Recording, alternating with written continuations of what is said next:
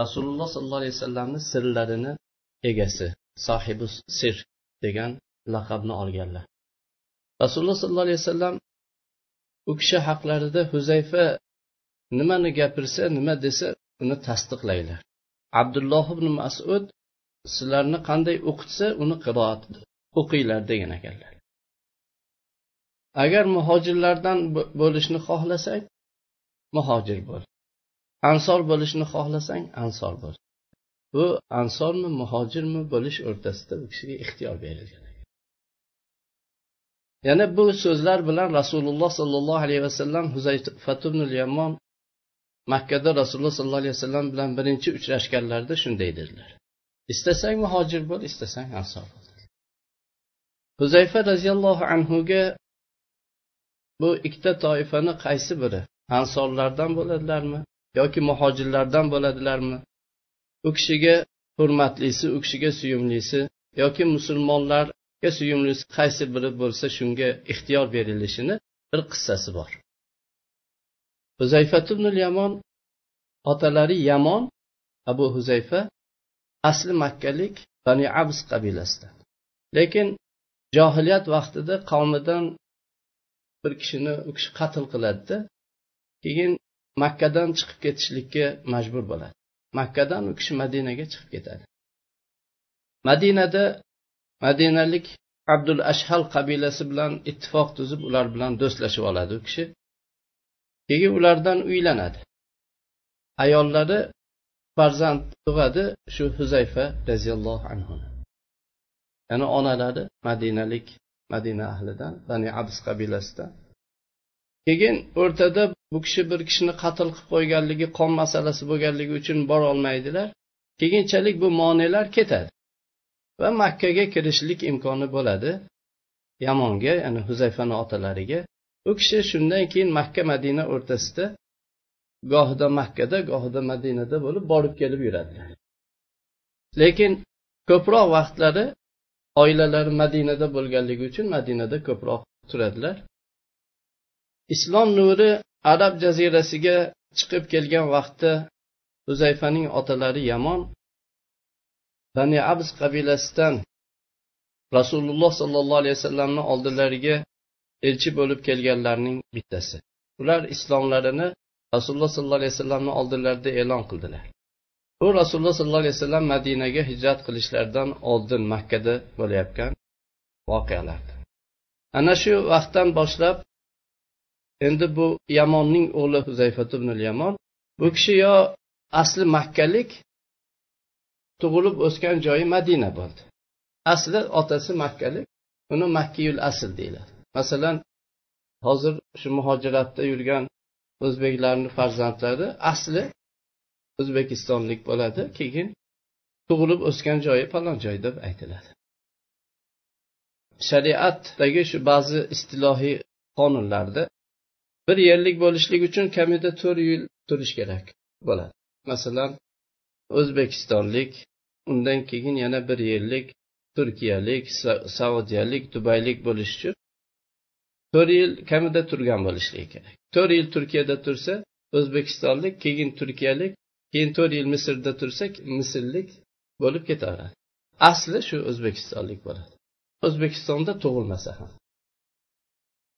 Huzayfat ibn yamon musulmon xonadonda ulg'aydilar va musulmon oilada ollohni diniga kirishda avvalda kirgan ota onaning bag'rida o'sib ulg'aydilar.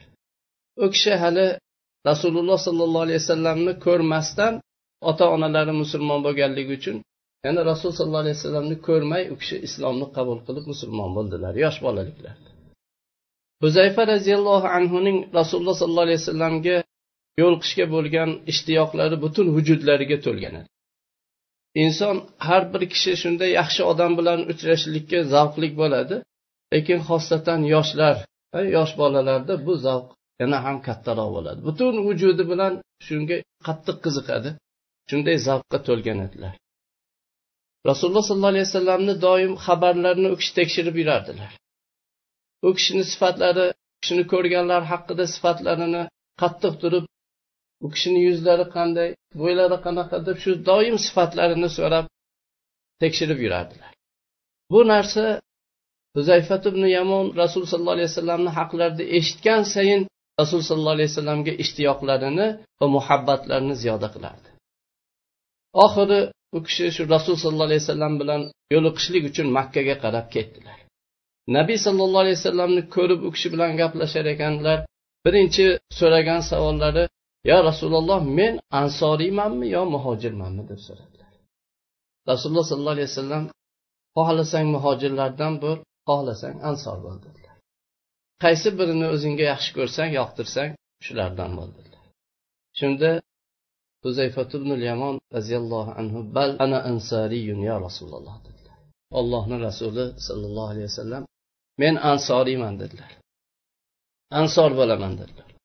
Rasululloh sollallohu alayhi vasallam madinaga hijrat qilib borganlarida xuddi ko'z ko'z bilan birga bo'lgandek bir kishini ikki ko'zi doim birga bo'lgan kabi rasululloh sollallohu alayhi vasallam bilan birga bo'ldilar. Hamma janglarda qatnashdilar faqat badrda qatnasha olmadilar.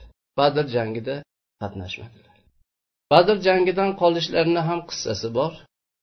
Unda ajoyib bir musulmon odamda bo'lishi kerak bo'lgan bir ajoyib bir sifatni rasululloh sollallohu alayhi vasallam bu sahobiylarda shaxslarda biz ko'ramiz. Qissani o'zlari rivoyat qilib beradilar. Badrda qatnashishdan meni man qilgan narsa men otam bilan tashqarida yurar edik. Madinaga qarab kelayotganimizda quraysh kofirlari bizni ushlab oldilar. Qayerga ketyapsizlar? Biz madinaga dedik. Yo'q sizlar muhammadni xohlab ketyapsizlar deyishdi. Biz madinaga ketyapmiz uyimiz madinada dedik. Ular bizni ularga qarshi muhammad sallallohu alayhi vasallamga yordam bermaslikka ahd olgandan keyin bizni qo'yib yubordilar. Va rasululloh sollallohu alayhi vasallam bilan birga urushga kirib ular bilan jang qilmaslikka ahd olib keyin qo'yib yubordilar.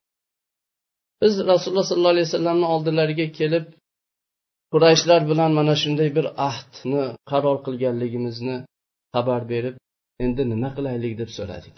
Ya'ni rasululloh sollallohu alayhi vasallam u ahdi bo'lmaydi desalar kirib ketadi ketaveradi. Lekin ahd islomda har kimga berilgan bo'lsa ham ahd bo'ladi. Biz ahdimizga shu og'zimizdan chiqqan so'zimizga javob berishlikka musulmonlar bu axloqqa qattiq rioya qilishimiz kerak. Ahd beruvdilar rasululloh sollallohu alayhi vasallam aytdilarki ahdimizga vafo qilamiz dedilar. Ya'ni vafo qiling ikkalangiz vafo qiling demadilar. Ahdimizga vafo qilamiz dedilar. Ya'ni ularni jangga kirmasligiga rasululloh sollallohu alayhi vasallam ham tarafdor bo'ldilar. Chunki biz musulmonlar ahd berdik dedi butun tarixda kofirlarni ko'p islomga jalb qilgan islomga tortgan narsa musulmonlardagi sodiqlik so'zida turishlik ahdiga vafo qilishlik har bir aytayotgan so'ziga javob berishlik dunyoni lol qoldirgan edi. Shu jihatdan ular nihoyatda bularda sadoqat vafodorlik xiyonatdan uzoqlikni ko'rganligi uchun hatto bu nasorolar diyorlaridan ba'zilari musulmonlarga xat yozib aytardiki sizlar bizga bu rumlardan ko'ra yaxshiroqsizlar bizni dinimizda bo'lmasanglar ham. U rumlar bizga xiyonatchi bevafo so'zida turmaydigan xalq agarchi bizni dinimizda bo'lsalar ham. O'shanga sizlar kelinglar biz sizga yordam beramiz diyorimizni sizga ochib beramiz deb mana shunday kutib olardilar.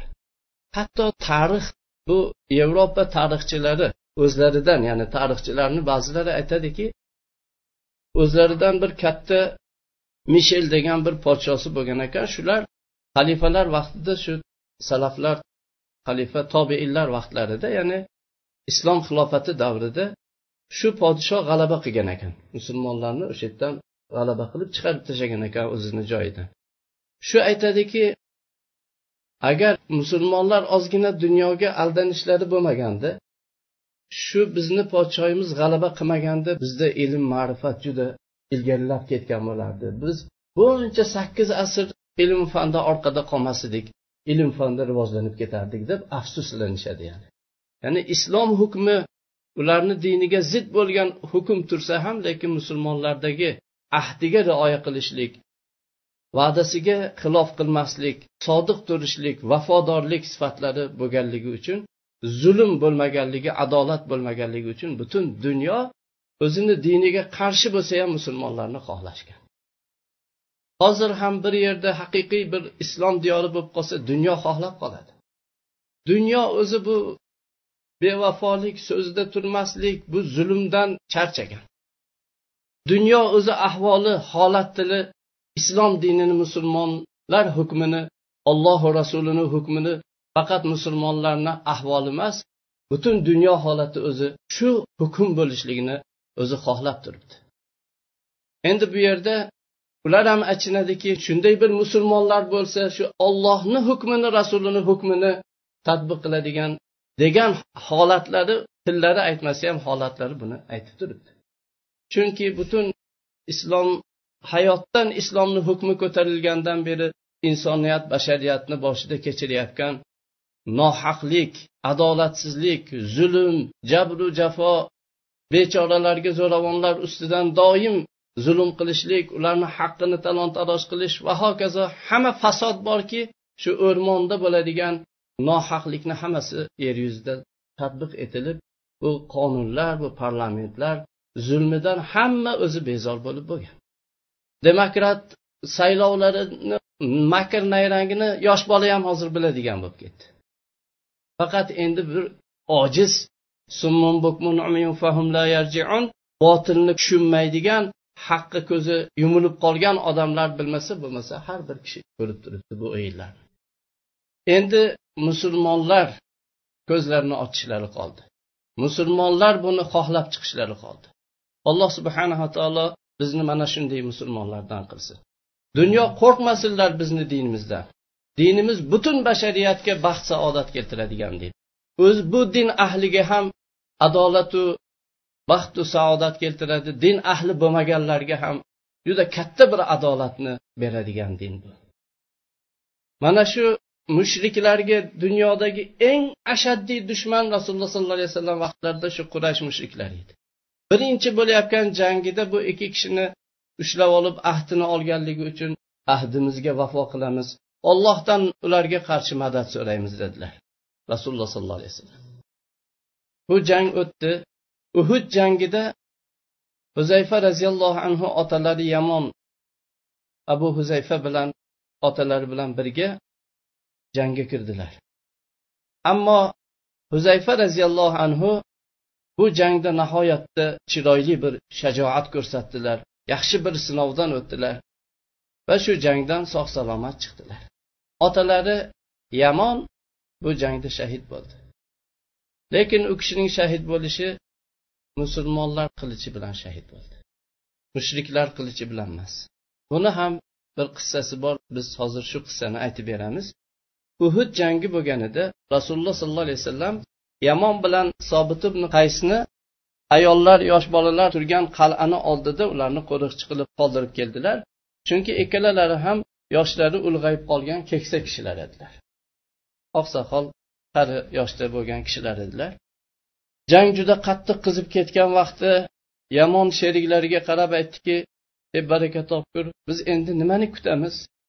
Allohga qasamki bizni umrimiz bir qush suv ichgan miqdorcha bir qush chanqagan miqdorcha umrimiz qoldi. Endi nimani kutamiz? O'zi umrimiz tugagan biz kutadigan narsa qolmagan o'zi. Biz bugunmi ertagami dunyodan o'tadigan odammiz. Bizda shu aytadi bir oyog'imiz qabrda bir oyog'imiz yerda bo'lib qolgan odammiz qilichimizni olib rasululloh sollallohu alayhi vasallamga borib qo'shilmaymizmi? Shoyat alloh taolo o'zini payg'ambari bilan birga turib shahid bo'lishlikni nasib qiladi keyin ikkalalari ham qilichlarini oldilar. Jangga odamlarni ichiga jangga kirishib ketdilar. Ammo sobit ibn qays alloh taolo mushriklar qo'lida shahid bo'lishlikni kishiga nasib qildi. Huzayfaning otalari yamon esa musulmonlar qilichlari musulmonlar uni tanimasdan o'rab oldilar. Huzayfa uzoqdan ularga qarab o'y meni otam meni otam meni otam! deb baqirardilar. Lekin ular eshitmas edilar jang edi shovqin suron. Qariya musulmonlar ya'ni o'zlarini sheriklari qilichi bilan shahid bo'lib yiqildilar. Uzayfa roziyallohu anhu bunda nima qildilar? Ularga qarab alloh taolo sizlarni gunohlaringizni kechirsin. Alloh taolo inshaalloh mehribon rahmdil zotdir dedilar. Rasululloh sollallohu alayhi vasallam bu farzandga otasini qon pulini bu xatan o'ldirib qo'yishdi diyasini berishlikni xohladilar. Shunda huzayfa aytdilarki otam o'zi shahodatni xohlab kelgan edi. O'zi istagan shu shahodatiga yetdi. Yo olloh men seni guvoh qilaman otamni qon pulini diyasini musulmonlarga sadaqot qildim dedi. Bu bilan huzayfani rasululloh sollallohu alayhi vasallam oldilarida martabalari obro'lari ziyoda bo'ldi. Rasululloh sollallohu alayhi vasallam huzayfatubni yamonda bo'lgan qobiliyatlarni yaxshi tekshirdilar. Huzayfada ajoyib bir xislatlar ko'rindi. U kishini nihoyatda katta bir ishlarni hal qilishda u kishiga yordam beradigan topilmas bir zakovati va u kishi ehtiyoji bo'lgan vaqtda u kishiga labbay deydigan hozir javobligi bor edi. Va bundan tashqari u kishini sir saqlash qobiliyati bor edi. U kishini ichidagi narsani hech kim bilolmas edi. Bunday insonga qarab g'amginmi xursandmi inson bir tashvish borligini bilib olasiz. Ammo huzayfadan nimaligini hech kim bilolmaydigan shunday kishi edilar. Nihoyatda sirga ichlari boshqa shu sirni mahkam tutgan kishi edilar. Rasululloh sollallohu alayhi vasallamni siyosatlari ashoblardagi bu xususiyatlarni kashf qilib turib ularda bo'lgan ularni shaxslarida yashiringan toqatlardan foydalanardilar. Ya'ni har bir kishini o'zini munosib o'rniga munosib bir ishiga qo'yishlik bilan rasululloh sollallohu alayhi vasallam foydalanardilar madinada musulmonlarga duch keladigan eng katta mushkilot yahudlar munofiqlar va ularga ergashganlar mushkiloti edi. Ular nabiy sallallohu alayhi vasallamga sahobalarga ko'p fitnalar uyushtirardilar makr nayranglar qilardilar. Bu millat shu eskitdan xiyonat bilan mashhur bo'lgan yahud ko'p xiyonat qilar edilar. Aldar edilar. Makr ishlatardilar shunday xalq edi nabiy sollallohu alayhi vasallam huzayfatubn yamonga sir tutib yana boshqa sahobiylardan biror kishiga xabar bermasdan huzayfani o'ziga munofiqlarni nomlarini aytib berdilar. Va bu ularni harakatlarini kuzatib ularni qilayotgan ishlarini tekshirib ularni islomga va musulmonlarga bo'lgan xatarlarni qaytarib turishni huzayfat ibn yamonga rasululloh sollallohu alayhi vasallam topshirdilar. Mana shu kundan boshlab huzayfat ibn yamonni rasululloh sollallohu alayhi vasallamni sirlarining egasi sohibi deb chaqirildi. Rasululloh sollallohu alayhi vasallam eng og'ir holatlarda og'ir qiyin bir mashaqqatlik o'rinlarda huzayfada bo'lgan u kishini iqtidori qobiliyatidan yordam olardilar. Va huzayfani nodir bu zakovatlariga hozir javobliklariga muhtoj bo'lardilar. Qandaq g'azoti bo'ldi? Qandaq g'azotida butun musulmonlarni islomni yo'qotishlikni qasd qilishib islom dushmanlari makka mushriklari ularga yahudiylar atrofdagi butun arablar hammasi qo'shilib turib islomni yo'qotamiz deb kelishgan edi. Shu handaq g'azotida nihoyatda bir mashaqqatli holat bo'lib qoldi.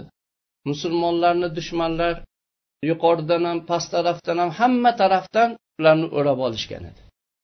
Va qurshov ham uzoq vaqt davom etdi. Imtihon sinov ularga juda og'ir keldi. Mashaqqat qiyinchilik oxirgi darajasiga yetdi. Yana ozgina qahatchilik edi. Yeydigan oziq ovqatlar nihoyatda tanqis edi. Shunaqa bir qiyin holatda edi. Keyin buni ustiga qurshov ham uzoq cho'zilib ketdi. Hatto ko'zlar qamashdi. Qalblar bo'g'izga yetib keldi. Musulmonlardan ba'zilar ollohga ba'zi gumonlarni qilishdi. Quraysh va qurayshni ittifoqdoshlari boshqa mushriklar yahudlar bunday qat'iy juda keskin bir holatlarda ularni ahvollari musulmonlardan ham musulmonlardan yaxshiroq emas edi. Chunki ular bevosita shunday jangga kiramiz deb kelgan edilar. Bu arablar odatida handaq kovlash bu chuqur kovlab okop kovlab himoyalanish yo'q edi. Bu narsani bular qilmagan edilar. Shu yengil jangga tayyorlanib shu jang qilamiz qaytamiz degan nima bilan kelgan edilar. Ularda ham oziq ovqati tugagan tuyalarini yegan to'ygan shunaqa og'ir ahvol edi. Ularni ham holati yaxshi emas edi.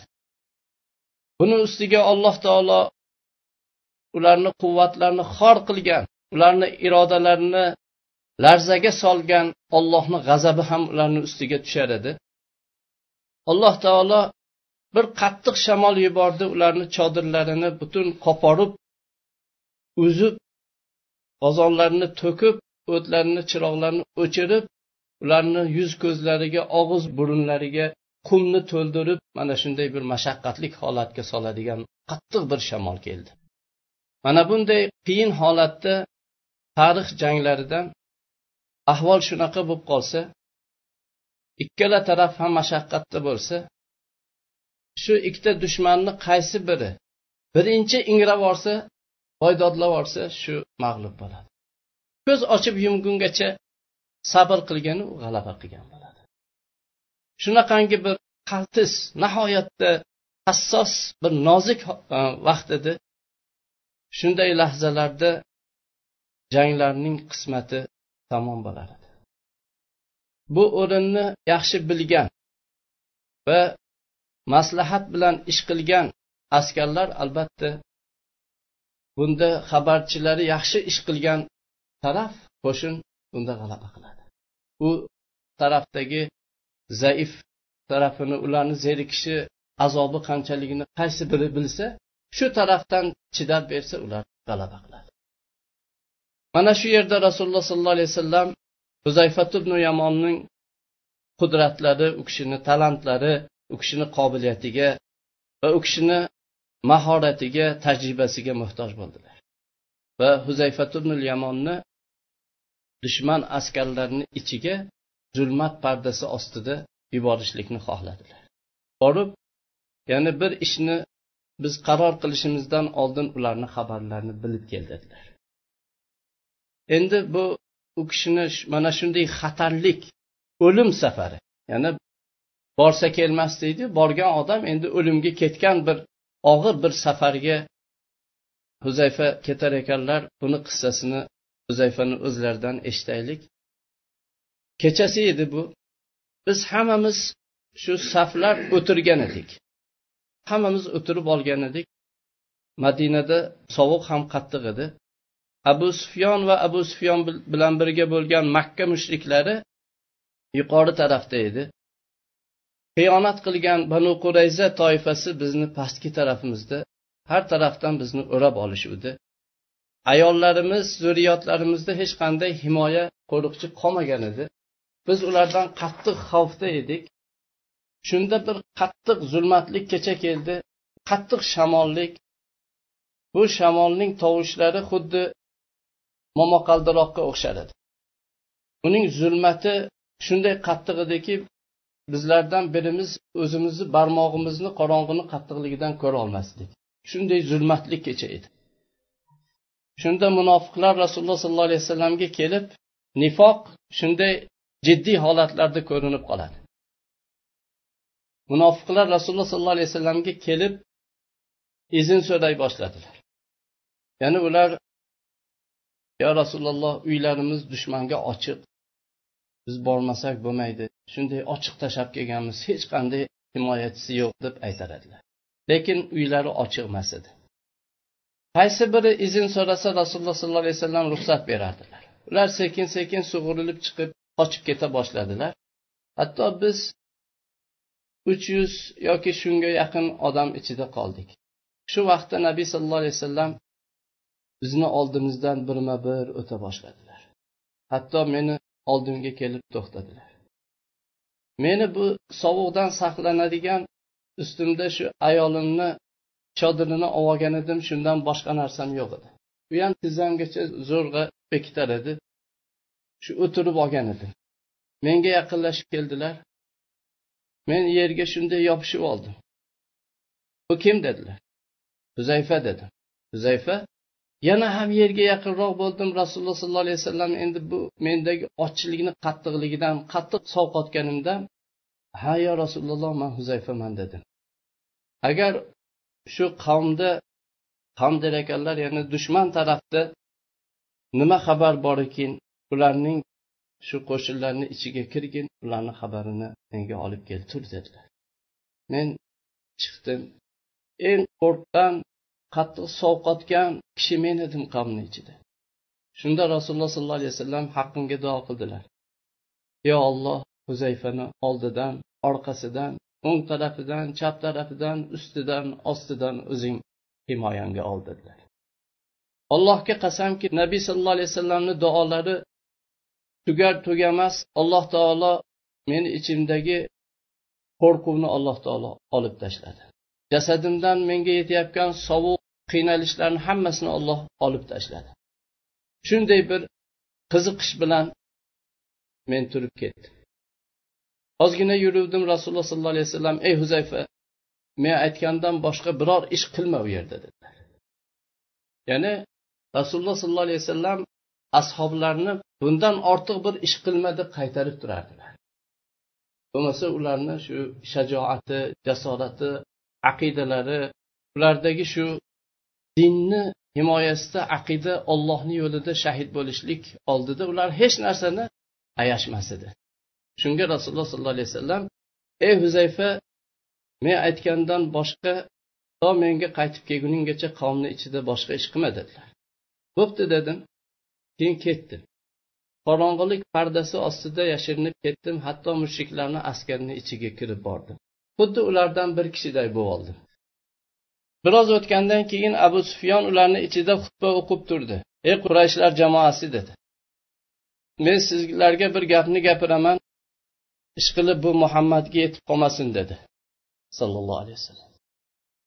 Sizlardan har bir kishi yonidagi odamga qarasin. Biz bilmasdan oramizga uni biror josus kelib qolgan bo'lmasin yana dedi. Huzayfa aytadilarki shunda yonimda turgan odamni shunday mahkam ushladim kimsan dedim. U aytdiki men falonchi o'g'li falonchiman dedi. Ha yaxshi dedim. Shu bilan o'tdi. Abu sufyon aytdiki ey qurayshlar jamoasi sizlar allohga qasamki bir yaxshi muqarrar joylashadigan o'rinda bo'lmay qoldinglar. Tuyalarimiz halok bo'ldi banu qurayza ham bizga xiyonat qildi. Bu qattiq shamoldan ko'rib turgan bu mashaqqatga tushdik. Buni o'zinglar ko'rib turibsizlar. Endi ketamiz. Qaytinglar men ham qaytaman dedi. Keyin o'zini tuyasiga bordida tuyasini arqonini bo'shatdi tuyasini ustiga o'tirdi. Keyin tuyasini urdi o'tirdi. Rasululloh sollallohu alayhi vasallam to menga qaytib kelguninggacha biror boshqa ish qilmagina degan so'zlari bo'lmaganda bitta o'q bilan uni o'ldirardim. Shu vaqtda men payg'ambar sallallohu alayhi vasallamni oldilariga keldim. Rasululloh sollallohu alayhi vasallam onalarimizning bittalarini shu ustilariga yopinadiganni qo'yib shunda namoz o'qirdilar. Meni ko'rganlarida meni o'zlariga yaqinga surib oldilar va bu choyshabni bu yopinchiqni meni ustimga ham o'radilar. Rasululloh sollallohu alayhi vasallamga hamma xabarni aytib berdi. Rasululloh sollallohu alayhi vasallam qattiq xursand bo'ldilar. Allohga hamd aytdilar. Mana shunday tugadi. Huzayfatun yamon munofiqlarni sirlariga to hayotlari davomida omonatdor bo'lib o'tdilar. Xalifalar rasululloh sollallohu alayhi vasallamdan keyingi rasululloh sollallohu alayhi vasallamni xalifalari u kishiga doim murojaat qilardilar. Hatto umar ibn hattob roziyallohu anhu musulmonlarni ichidan bir kishi o'lib qolsa o'zlarini xos kishilariga aytardilar qaranglarchi huzayfa ketdimi janozaga dedilar. Huzayfa yamon ketdimi deb buyurardilar agar ha u kishi ketdi deyishsa umar chiqib namoz o'qirdilar. Agar yo'q huzayfa kelmabdi desa u odam haqida shak qilardilarda uni janozasiga chiqmas edilar bir kuni umar roziyallohu anhu huzofa roziyallohu anhudan so'radilar. Meni bu viloyatlarga atrofga jo'natgan voliylar ichida munofiqlardan birortasi bormi dedilar. Umar ibn hattob roziyallohu anhu. Shunday alloh taolo tarafidan ilhom berilgan zot qo'rqadilar bu voliylar ichida munofiqlardan birortasini men bilmasdan qo'yib qo'yganim bormi dedilar. Huzayfa roziyallohu anhu ha bir kishi bor dedilar. Ko'rsatdilar uni menga ayt kim u dedilar. Huzayfa aytdilarki yo'q men uni aytolmayman ya'ni u sir edi rasululloh sollallohu alayhi vasallam bu kishiga omonat qo'ygan. Aytmadilar.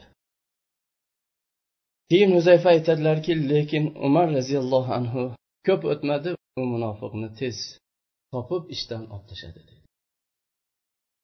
odamlardan ko'pchiligi huzayfat ibn yomon roziyallohu anhuni fors shaharlaridan nahovand benavar hamadon ri degan shaharlar u kishini qo'lida u kishini qo'mondonligi bilan fath qilinganligini ko'pchilik bilmasa kerak.